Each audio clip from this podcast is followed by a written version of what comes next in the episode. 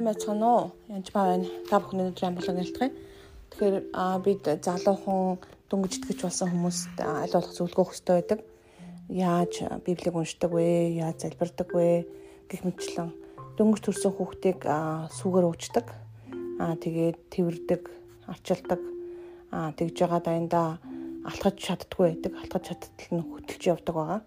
Өөрөө аяндаа алхдаг болсон ч гэсэн хоолоо олж идэж чаддгүй. Тийм учраас хоол номлол заадаг тэгж жагаад аяндаа өөртөө хоолоо олж идэж болдог. Тэгэхээр яг энэтэй адилхан бас хэдүүл чөлөөлтийг заах хэрэгтэй байдаг. Ихэнх тохиолдолд яаж итгэлийн залбирлыг хийх вэ? Өвчтөө өмнөдлөө яаж залбирх вэ гэдэг юусоо мэддэггүй. Ихэнхдээ заагаад өхөр нөгөө хүмүүс нь сурдаг. Гэтэ тэр нь юусоо тийм одоо тийм эдгэрж байгааг нь хагдахгүй. Хүүхдэд ч гэсэн би заадаг. Одоо хүүхд өвчтөй байвал эхлээд а би ер нь хийдэ залбирдаг. Тэгээс дараа нь жаахан том болохоор гэдэг нь за нэг 6 7 наснаас эхлээд за ఇలా хамт залбирая гэж эхэлдэг. Тэгээд эсвэл 8 9 хүрээ түлхгээд за одоо өөрөө залбираа би ээж нь харжээ гэж хэлдэг ба. Тэгээ хүүхд нөгөө залбираад өөрийнх нь одоо чихэн ч гэдэг юм уу харшлан манай хүүхдүүд өөрийнхөө харшлыг залбирахад эдгэржсэн байгаа. Тэгээд өөрт нь би сайн ойлгуулж хэлдэг. За чи эдгэж байгаа юм биш ээ. Иесус Христийн шарахаар энэ бүхэн эдгэрсэн. Чи зүгээр тохорхоо ээж байгаамаа чи ямар нэг эргэлзээ байхгүй үнэмшээд тэгээ залбирэн шүү. Есүс нэрд итгэж байна уу гэхээр итгэж байна гэдэг. Тэгээд за залбираараа гэдэг.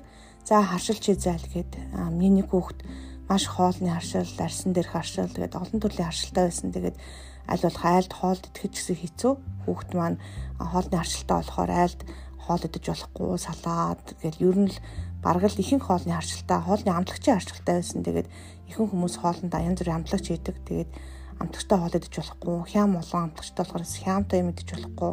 За тэгэл өндөг өөр юмнууд ундаа гэл олон төрлийн харшилтай байсан. Тэгээд дээрэс нь бас арсныг өвдрөө өвчтэй байсан. Тэгээд бүгдийг нь өөрөө залбираад идгэрсэн. Тийм болохоор өвчтэй хүнийг залбирахтай нэг дуртай байдаг. Тэгээд а идгэрж байгааг нь хараад баярлсан. Нэг хүүхэд маань а нэг чихэн дээр нь байнгын өвчин бүр бүтэн жил гарсан залбираа тос түрхэд болохгүй. Тэгээд тэг миний хүү чи өөрөө залбираад үзэхүү гэсэн чинь тгийгээ залбираад маргааш нь жөлөө за нэг 2 хонохгүй идэрсэн юм а. Бүүн баярлалаад ээж нь идгэрсэн, идгэрсэн гэл орилоод явж исэн. Тэгээд баяртай орилон байсан. Тэр бол үнэхээр гих мэтчлэн тэгээд гарны яс суурсан хүүхдтэй хүүхд байхад бас залбираад төд дуудлаггүй ясна маш хурд идгэрч исэн. Гих мэтчлэн олон зүйл байдаг. Тэр хүүхдүүдэд зааж өгөхөд маш хурдан сурдаг байгаа. Тэгэхээр наснаас үл хамаарж байгааз тэнтэй адилхан олон жил сүм чуулганд явсан мөртлөө ерөөс эдгэрлийн залбирал хийгээд одоо залбирсан хүнийг эдгэржсэн тохиол маш багтаа одоо хаяал нэг тэр хүн сайжирсан гэж бүр баярлаад идэх хүн байдаг. Тэгээд уг нь бол ингээд залбирал болгоно тодорхой хэмжээр эдрэх ёстой. Тэгэхээр цагсны шидэнд бөмбөг хайж байгаатай адилхан 10 шидэхэд одоо гэдгийг 5 нь орсон ч гэсэн хүмүүс баярлдаг.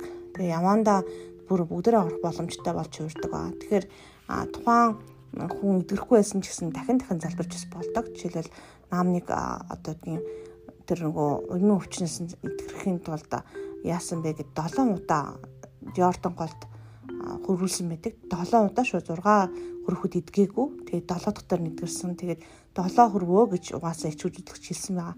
Тэрнтэй адилхан заримдаа бас зарим хүний чихийг би олон залбирсан тохиол байдаг. Заримдаа зарим өвчтөө хүн дээр одоо би болохгүй нөө миний итгэл хүрдгүү мүү эсвэл хаана юу болдгийг мэдэхгүй ямар ч лсэн зарим хүнийг удаан залбир шаардлагатай тойлууд гарал гарч исэн.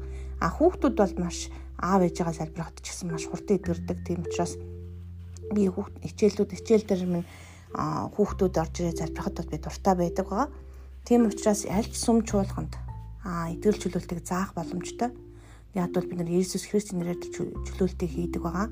Иесус Христийн нэрээр Иесус Христтэй хамт эзэн бурхантай хамт эдгэрлийг бас хийдэг байгаа. Тэгэхээр хэрэг эдгэржлүүлэлтийг хийдэг байх юм бол одоо сүм чуулганд маань олон хүмүүс ирнэ бүүч муу лам руу явахгүй нэгдүгээрх нь хоёрдугаарт нь эмнэлэг дээр бас эмнэлгийн ачааллыг бас үнэхээр хөнгөлнө. А эмч эмчнэр үнэхээр хэрэгтэй хэрэгтэй бүх одоо төрх төрөхөд хэрэгцээтэй. Тэгээд бас үнэхээр зарим зарим эмнэлгүүд бол эмчнэр бол яа харахгүй бид нар хэрэгцээтэй байгаа.